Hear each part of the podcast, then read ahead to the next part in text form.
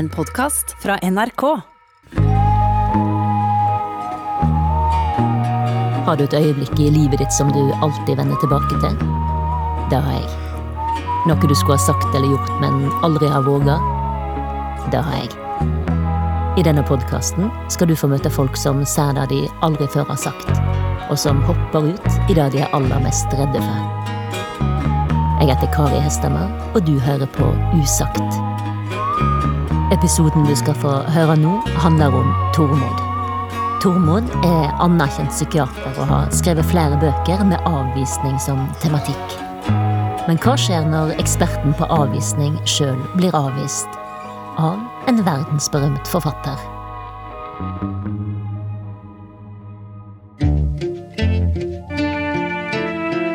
Det hele starta med ei engelsk fagbok han fikk refusert fordi den var for smal, men som han gav ut på eget forlag. Og det var akkurat i momentet rundt utgivelsen at Tormod leste en artikkel om den store norsk-amerikanske forfatteren Siri Hustvedt i Dagbladet. Og da var overskriften 'Vil bli psykiater'. Siri var en forfatter han beundra, og som kanskje ville forstå hva han skrev om, i motsetning til den norske forlagsbransjen. Tormod bestemte seg for å sende den nytrykte boka si over Atlanteren.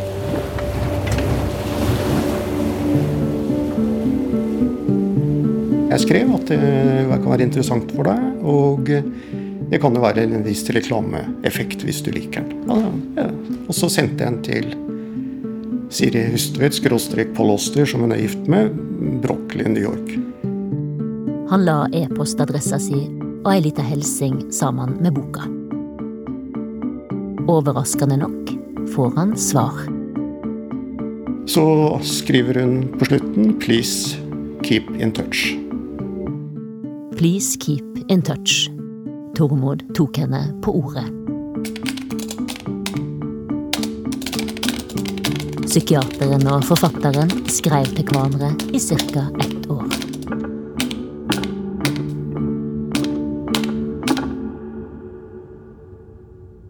Så ble det plutselig stille, og etter hvert så fikk jeg jo da at e-mailadressen var borte, så jeg hadde jo ikke noen ny e-mailadresse.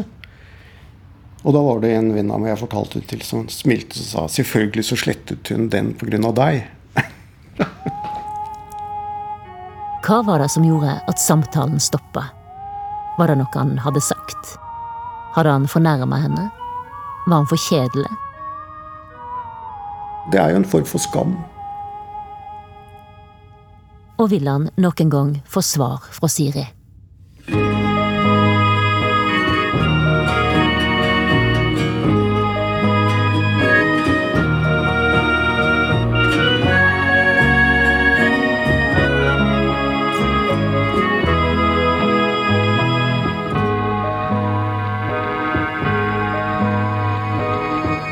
Jeg står utenfor en bygård på Frogner i Oslo og venter på å bli sluppet inn på kontoret til psykiater Tormod Huseby.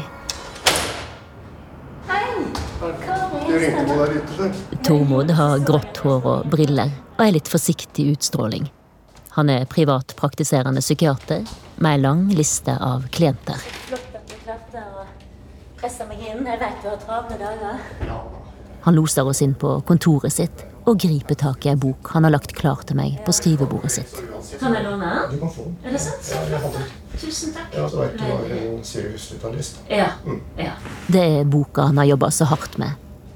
Den han sendte i posten til Siri Hustvedt, Brooklyn, New York. Boka som var starten på en samtale som brått tok slutt. Det uteblitte svaret gav næring til fantasier om egen utilstrekkelighet, som han aldri har fått korrigert. Du har sikkert kjent på følelsen av avvisning, du òg. Kanskje det er en fest du ikke har blitt bedt på? Eller en venn som ikke har tid til deg, selv om du har prøvd å få til en avtale lenge? Den litt kjipe følelsen av å ikke være valgt. Tormod har disse samtalene med folk nesten hver dag. Jeg har så å si bare det man kan kalle ressurssterke pasienter her. som klarer seg veldig bra i livet ytre sett. Det er fire ord som ofte gjennomsyrer hva de er redd for. Det er å være dum, kjedelig, stygg og rar. Jeg kan sitte og si det er flotte, empatiske, men så sier de mer eller mindre bare vent. En dag så skjønner du at du tar feil. Så da pleier jeg å si litt sånn humoristisk hvor mange år skal det ta? Og det kan faktisk ta år. Før du fullt ut skjønner at de er verdifulle. Så dypt sitter det. Så djupt sitter det. Og i psykiateren sjøl. Hendelsen med Siri Hustvedt var jo bare en filleting. Men likevel er det som om det legger seg til sjølbildet, og at hjernen går sine egne veier for å finne forklaringer. Har jeg vært for mye for henne? Har jeg, og ikke minst, jeg nådde ikke opp selvfølgelig til disse bekjentskapene hennes. da. Og hun er selvfølgelig veldig ettertraktet og har masse kontakter. Så jeg undret meg i utgangspunktet at hun i hele tatt ville ha kontakt. da. Jeg kan jo ikke nå henne opp overhodet intellektuelt. da. Og hun og mannen er jo slik som de skriver at de leser og leser. altså Selv på, når de står på samlebåndet på flyplassen, så står de og leser. Så de, de har en ekstrem intellektuell hunger. Og ikke minst intellektuell kapasitet. Da. Jeg opplever meg ikke der i det hele tatt. Absolutt ikke. Og det er ikke falsk beskjedenhet heller. Tormod og Siri utveksler e-poster om dagligdagse ting, og delte tanker rundt psykiatri og egne erfaringer. Det var han som skrev mest. Hun skrev vel ikke så omfattende tilbake. Hun uh, gjorde ikke det, men hun responderte. Mm. Så det Det er spesielt ei av bøkene til Siri Tormod har vært opptatt av. Den skjelvende kvinnen, som er ei sjølbiografisk bok. Siri skal holde minnetale for sin avdøde far da kroppen plutselig begynner å skjelve ukontrollert. Hun klarer å gjennomføre talen. Skjelvinga blir borte. Men anfallet kommer tilbake seinere, like brå og skremmende hver gang. Hun sier jo selv at hun er skjør. Sånn at det er jo Jeg syns det er interessant hvis jeg, hvis jeg hadde snakket mer privat face to face, hvem hun egentlig hadde vært da. I boka skriver Siri åpent om skjelvetoktene og leter etter historiene bak anfallene. Tormod har sin egen teori. Jeg skrev jo det at ja, jeg har, tror jeg vet årsaken. Det var nesten litt freidig, da. Hun har jo hørt masse teorier, så hvorfor skulle jeg se det, da? Men jeg skrev nå det, da. Det blei stille fra Siri. Ja, det var i hvert fall siste brevet. Tormod sjekka innboksen sin regelmessig. Men nei, ingenting. Så kan man jo tenke om det også. Var, jeg vet ikke, Poenget er at det er lett å begynne å gruble. Fordi når det oppstår stillhet, folk blir borte eller avviser deg, så, er, så overtar fantasiene. Tormod prøvde å sende en ny e-post. Men adressa hennes virka ikke lenger. Og han fikk sine egne e-poster i retur. Hun måtte begrense seg, tenker jeg. Og da falt vel jeg bort i den lista som hun da kunne selektere. For da var hun jo fri for eventuelt eh, mail fra oss ikke utvalgte, da. Det var vel den, det var det jeg, var vel den jeg endte opp med. Men det er klart, det tok litt tid før For det er denne skam, litt sånn skamfølelsen av å være vraket. Kan følelsen av å være vraka bli retta opp igjen? Og er det håp for at Tormod og Siri noen gang kan møtes igjen? De hadde jo tross alt kontakt i et helt år. Jeg tenker mest at jeg syns det var fint at hun holdt ut et år og syntes det var bra. Og helt tatt ville ha kontakt et år. Ja, så det er den positive biten. Det var fint at hun holdt ut i ett år, sa han ydmykt.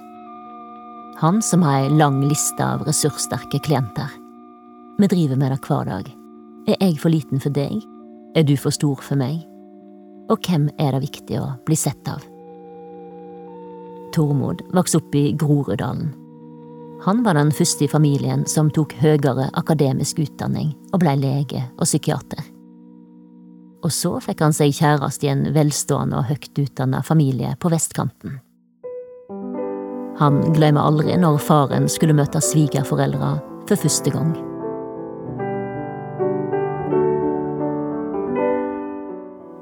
Min far er invitert på julaften til mine svigerforeldre.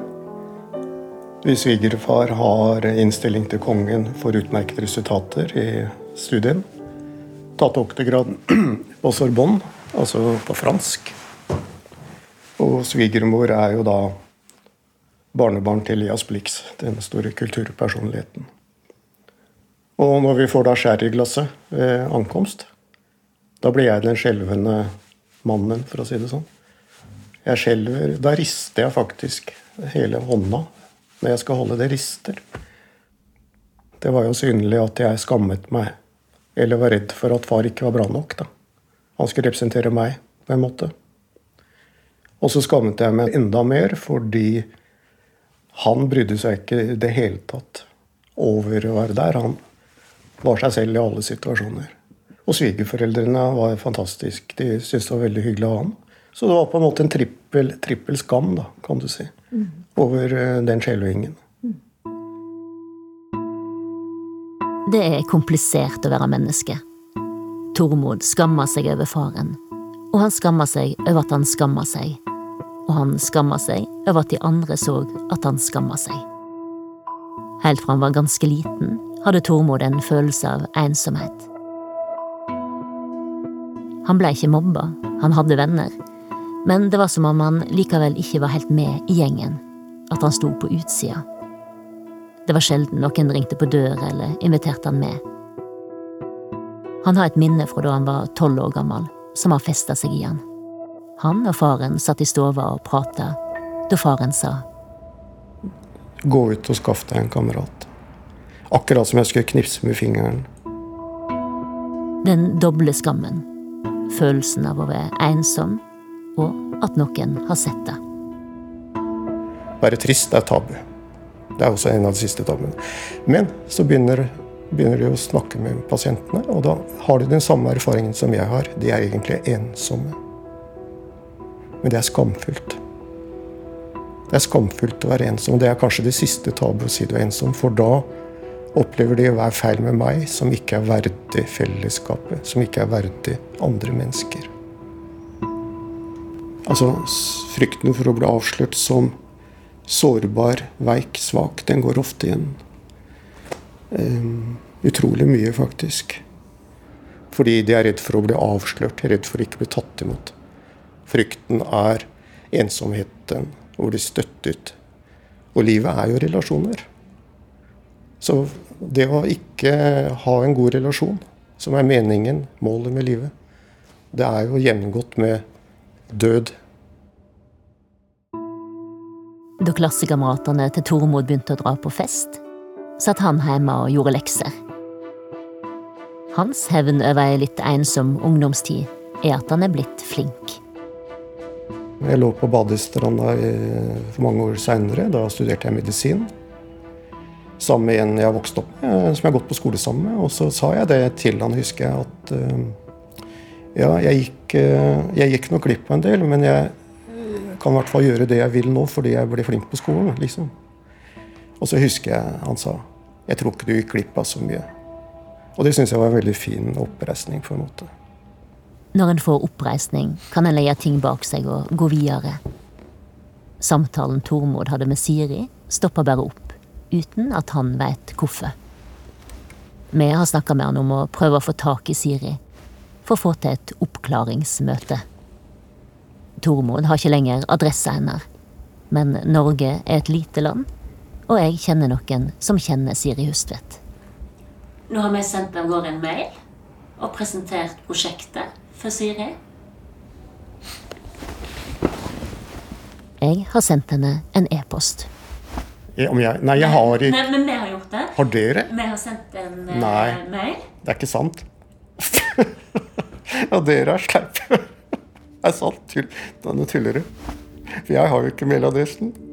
Det er det dummeste. Unnskyld. Og dere er slur.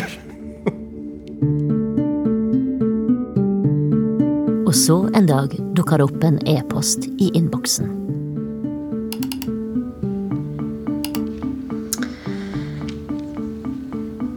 Dear na, na, na, na, na. Um, I am happy to talk. I'm leaving for Zurich Saturday and then traveling in Germany until the 10th when I return to New York City. Perhaps we can be in touch then, depending on what happens. Siri. Siri Hustvedt hun husker både Tormod og korrespondansen de hadde, godt. Og hun vil gjerne møte han. Jeg tenker det er 50 kult og 50 kleint. Så går det flere måneder uten at vi har kontakt med Tormod. Han jobber fra morgen til kveld med klienter. Han har hatt eie spalte i Dagens Næringsliv, og topper listene med mest klikk når han skriver om avvisning på psykologisk.no. Sommer, høst, vinter og vår går. Og snart er det bare noen veker til Siri lander i Norge.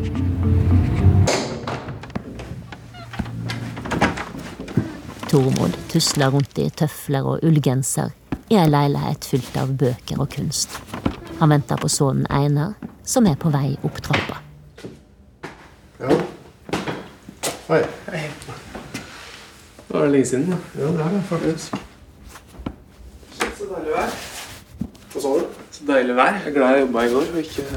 oh, ja. Einar slår seg heimevant ned i en stol. Jeg må ta et glass vann. Ja.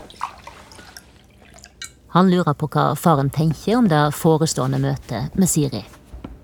50% kult, for å bruke ditt språk, og 50% kleint. ja. Hvorfor uh, syns du det er kleint, da? Hvis man skal konfrontere en elefant, så må det jo også være litt kleint. Ja. Det sier seg jo selv. Så det er jo ikke en vanlig samtale. Men dere har ikke snakket sammen siden kontakten ble brutt? Nei, nei. Det er ti år siden cirka, så vidt jeg husker. Ja. ja. Hvordan tror du hun uh, ser, ser på møtet? Øh, det vet jeg ikke. Skal vi gjette, da? Og det er jo ti år siden henne òg. Altså, det er noe med det med Hvorfor skulle hun gå rundt og tenke på det? Og hun er jo også høflig person, så det spørsmålet er om hun tør å fortelle fullt ut hva, hvorfor hun avviste. Det er klart. Mm. Det er jo ikke sikkert. Mm. Så det, sånn er det. Tror du hun syns det er litt kult òg, da? Sånn som du beskriver det? Jeg har ikke peiling. Nei, Det er vanskelig å si. Ja. Det er jo kanskje litt nytt for henne, i hvert fall. Det er jo en erfaring, det òg. Hvor er det du skal møtes? Eh, Aschehougvillaen på Drammensveien. Men er du, du sier du syns det er litt kleint, men er du nervøs for møtet? Litt spent, sikkert, på en måte. Ja. Men eh, Ser du veldig opp til henne? Det er ikke tvil om at hun er veldig dyktig. I dag sto det i Dagsavisen, og hun som skrev om det, hun sa at hun var kanskje en av kanskje den klokeste amerikanske forfatter nå. I hvert fall en av de klokeste. Og hun er veldig hun er intellektuelt briljant. Ja. Men jeg prøver å lese en del av det hun skriver, og for å være ærlig så er hun litt for intellektuell for meg. Jeg har lest bare én bok av Paul Oster, mannen hennes. Ja. Og den likte jeg bedre, måten han forteller formen hans. Er du liksom redd for å Er du redd for å drite deg ut foran henne? Ja, ja, men siden hun på en måte avviste deg gjennom å bryte kontakt osv. Og, så videre, og det er jo gjerne menneskelig da at man føler litt avstand og at man føler seg litt underlegen, kanskje. Er det noe du kjenner på? Jeg tenker jo at bak alle holdt på å si intellekte fasader eller intellektuelle holdninger, eller hva man skal kalle det, så er det alltid en lengsel etter det ekte og varme. Og at man kan senke skuldrene og ikke måtte være så innmari flink. da. Det har vi jo snakka om, du og jeg òg. Ja, ja. Ja. Så det er vel eh, Så det ja du tenker at hun har en sånn, et sånt behov? Jeg tenker at alle bak fasadene er det. Einar syns det er rart at faren ikke kan stole på at han er bra nok. Det er som om hånda som greip sherryglasset hjemme hos svigerforeldra, fortsatt skjelver. Du vet ikke helt hvor mange som eh, du berører med det du gjør, og den du er.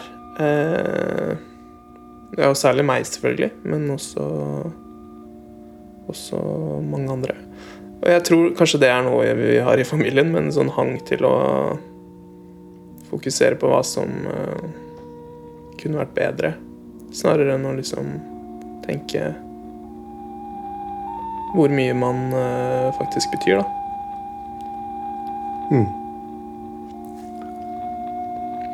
Du får jo overøst med komplimenter her og der, så Mm. det virker ikke helt som du tar det helt innover deg.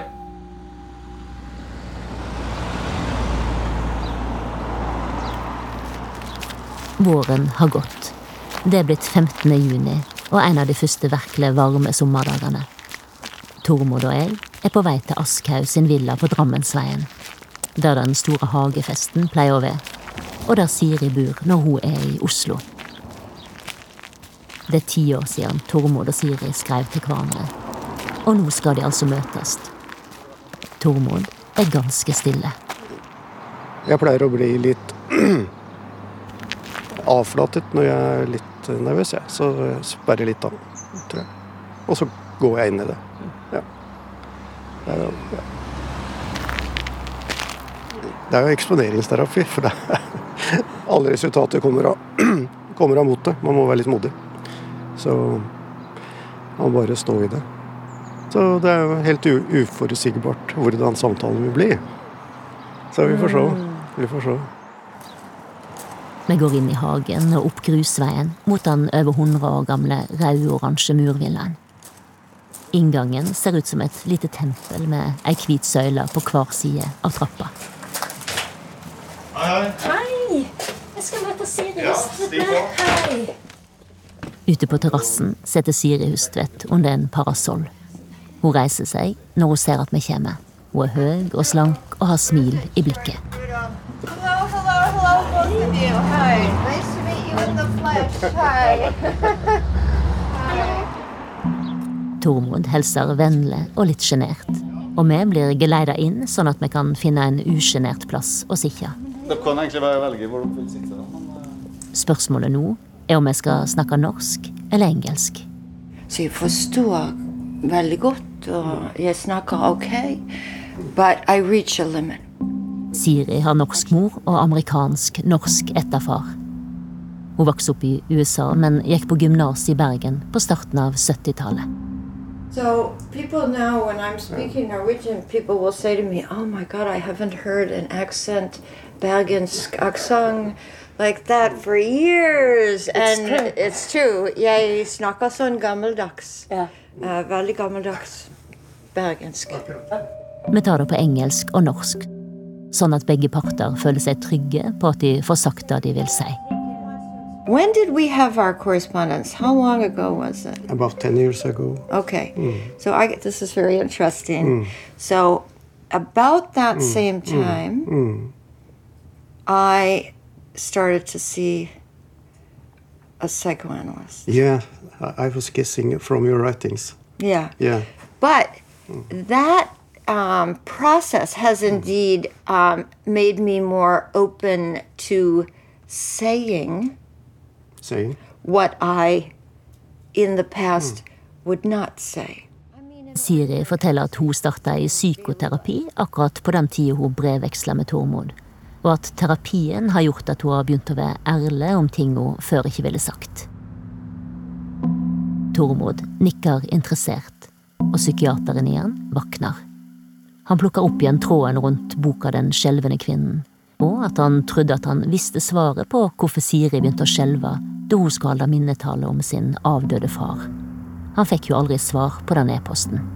Jeg leste jo 'Den skjelvende kvinnen'. Yeah. Jeg har lest den to ganger yeah. nå, nå yeah. før jeg kom. Også, Okay, eller, okay, ja. Yeah. Og prøver å se hva du ikke sier, fordi i terapi så skal man lytte til pasienten. Hva sier pasienten? Hva sier ikke pasienten? Yeah. Well, that book, which is interesting, was a book that um, people kept telling. I, you know, they people kept talking to me. Oh my God, you know, it's so revealing. Actually, the book is very much not a revelation of my inner life or say my relationship with my father. It's exactly the opposite. Boka skulle ikke gå i dybden på hennes eget indre liv, sier Siri. Den skulle utforske et fenomen. Men hvis jeg nå var en grenseløs gjest og psykiater, og så begynner jeg akkurat Say, what about og så that? spør What Hvem about er du that?" egentlig? Hvem er du egentlig? Siri ler og svarer at det er et spørsmål hun verken kan eller vil svare på. Hun tror ikke det fins et enkelt svar på det. Hun avviser spørsmålet. Og når vi først er inne på avvisning, tar Tormod sats. About re, re, avvisning, uh, uh, rejections, I think one of the reasons we are here today is that, uh, do you remember, is that we had a little Yeah, correspondence. we did, yes. Yes, and suddenly It was gone. It was gone. I know. And uh, I, I, You felt a and little I think. Yeah, Yeah. So, of course, uh, sort of, but uh, not the biggest rejection No, I, I could have, of course. But No. but then I, I think it's interesting since I'm so-called for many the expert on rejections. Yeah. So it's interesting to to have the experience yourself. Why why Yeah. why is it like that? And the fantasies uh, people have. Tormod sier at avvisning ofte fører til fantasier, og at han har tenkt at han ikke var intellektuell nok for henne, som omgås nobelprisvinnere i litteratur. Altså, jeg tenker at du er en veldig intellektuell person. Det er jeg. Ja, ja. Men nå snakker du Det er litt interessant at de siste tiårene så Ja. går du mer inn i følelsene. Ja. Ja, ikke sant? Så det, og det, det, der, var jeg mer allerede på den tiden. For Ja. ti år siden. Ja da. Ja, jo, tenker Ja. jeg. Og, og så ser jeg jo at uh, Det er jo interessant å se når jeg googler at, hvem dere omgås, da, alle disse ja, Coates, nobelprisvinnerne etc. Det er jo veldig interessante mennesker Ja. som dere omgås, da. Ja. Så, så jeg, jeg vet ikke om uh, Du svarte egentlig ikke. Jeg spurte ikke om hvorfor det ble slutt på korrespondansen. No, no. and I think I'm not exactly sure. No. I think that it was maybe a little bit of a threat in the sense of it being, yeah, that the promise of something actually open and emotionally, uh, you know, that would put me in a position of vulnerability in ways that um, I might not have wanted to to engage with. Jeg er ikke sikker på hvorfor det blei slutt, sier Siri. Men kanskje fordi han ønskte å gå nærere enn hun ønskte. Hun tror hun ville gjort det annerledes i dag. Ikke bare slutta å skrive, men sagt fra. I have beside my desk at home a pile I know. of mail like this. You probably have it too. Mm. Of what I just call it the guilt mm, mm. file. And you know, every once in a while, with I do this with email too. I'll go down and write apology letters to You do for now the or I had no, I've done it now. Yeah. Because I think it's better to finally say something than to just let it go.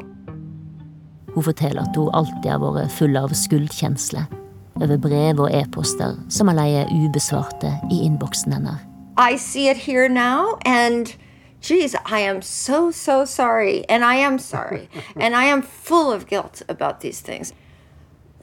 Siri sier at hun alltid har vært redd for å såre folk, men at hun nå øver seg på å være ærlig. Hun gir Tormod et konkret eksempel. I had a friendship with a, a woman, but hmm. after a while I realized that her hopes for this friendship were so great hmm. and that she wanted so much from me. Constant asking how she was. Hmm, Just, it was, it became suddenly this enormous burden for me to try to keep this friendship on an even keel without it going it exploding really. That she was constantly hurt by what i wasn't doing. It, i said you know this is actually not going to work out. Hmm. And i am unable to fulfill the role of friend that you need and want.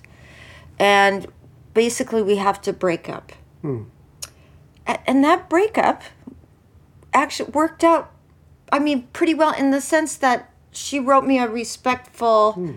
letter back.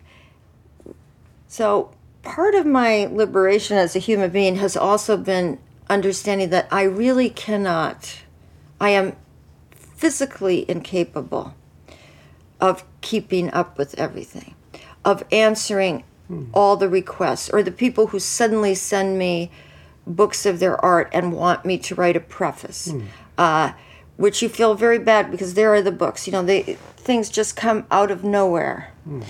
I can't respond to all this because if I do, I won't write. Hvis hun skal svare på alle brev og forespørsler, blir det simpelthen ikke tid til å skrive, sier Siri. Og å skrive, det er kanskje det aller viktigste i livet hennes. You know, who knows how long I'll live? I mean, we don't know. And the older I get, the more intensely aware I am of the fact that it could end soon. Um, not because I've been diagnosed with a fatal illness, but simply we don't know. And there's a lot more behind me than ahead of me. And I am dead set on, uh, you know, living to my utmost capacities hmm. during the time I have left. Hmm. And that creates urgency. Hmm. It emphasizes desire. You know, what is it I desire most? I can I can say that very clearly. I want to write. I want to keep reading and I want to be with the people that I love most. Jeg vil skrive, lese og være sammen med mine næreste. That's it. There is anything. There's nothing else.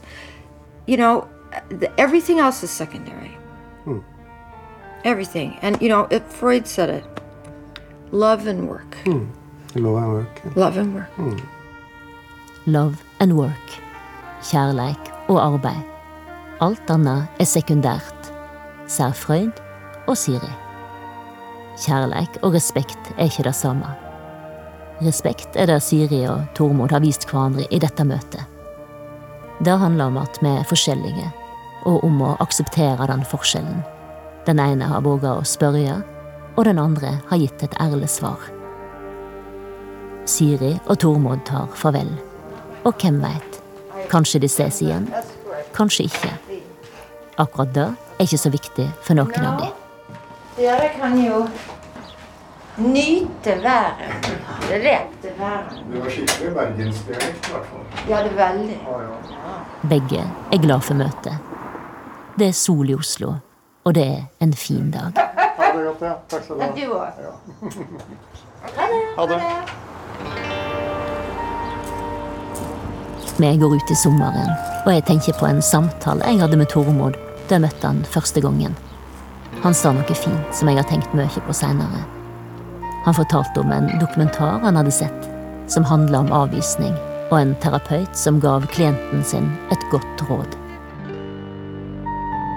Da syns jeg du skal gå dit for kjærligheten er. Vi blir avvist, men det betyr ikke at det nødvendigvis er noe galt med oss.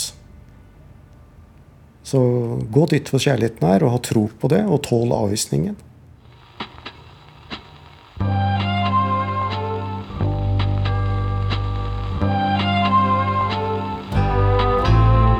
Har hørt Usagt og episoden om Tormod.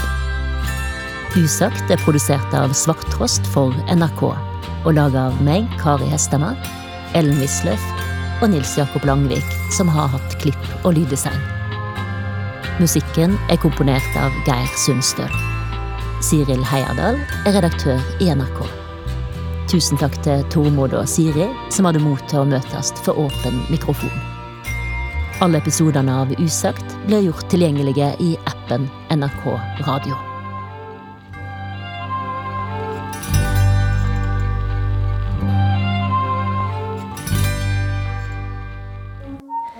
Hei, jeg heter Synva Hjørnevik.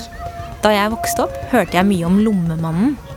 En mystisk overgriper som hadde vært overalt, og som når som helst kunne slå til igjen. Politiet trapper opp jakten på den såkalte lommemannen, som skal ha forgrepet seg på over 100 unge gutter i Sør-Norge. Nå har jeg dykket inn i saken for å forstå hvordan han kunne holde på i så mange år med så mange ofre. Nå, nå bretter vi opp ermene og krummer nakken her, for nå skal vi ta han. Det er en spennende fortelling om dedikerte politifolk som strever med å sirkle inn Norges største serieovergriper. Denne mannen må jo stoppes.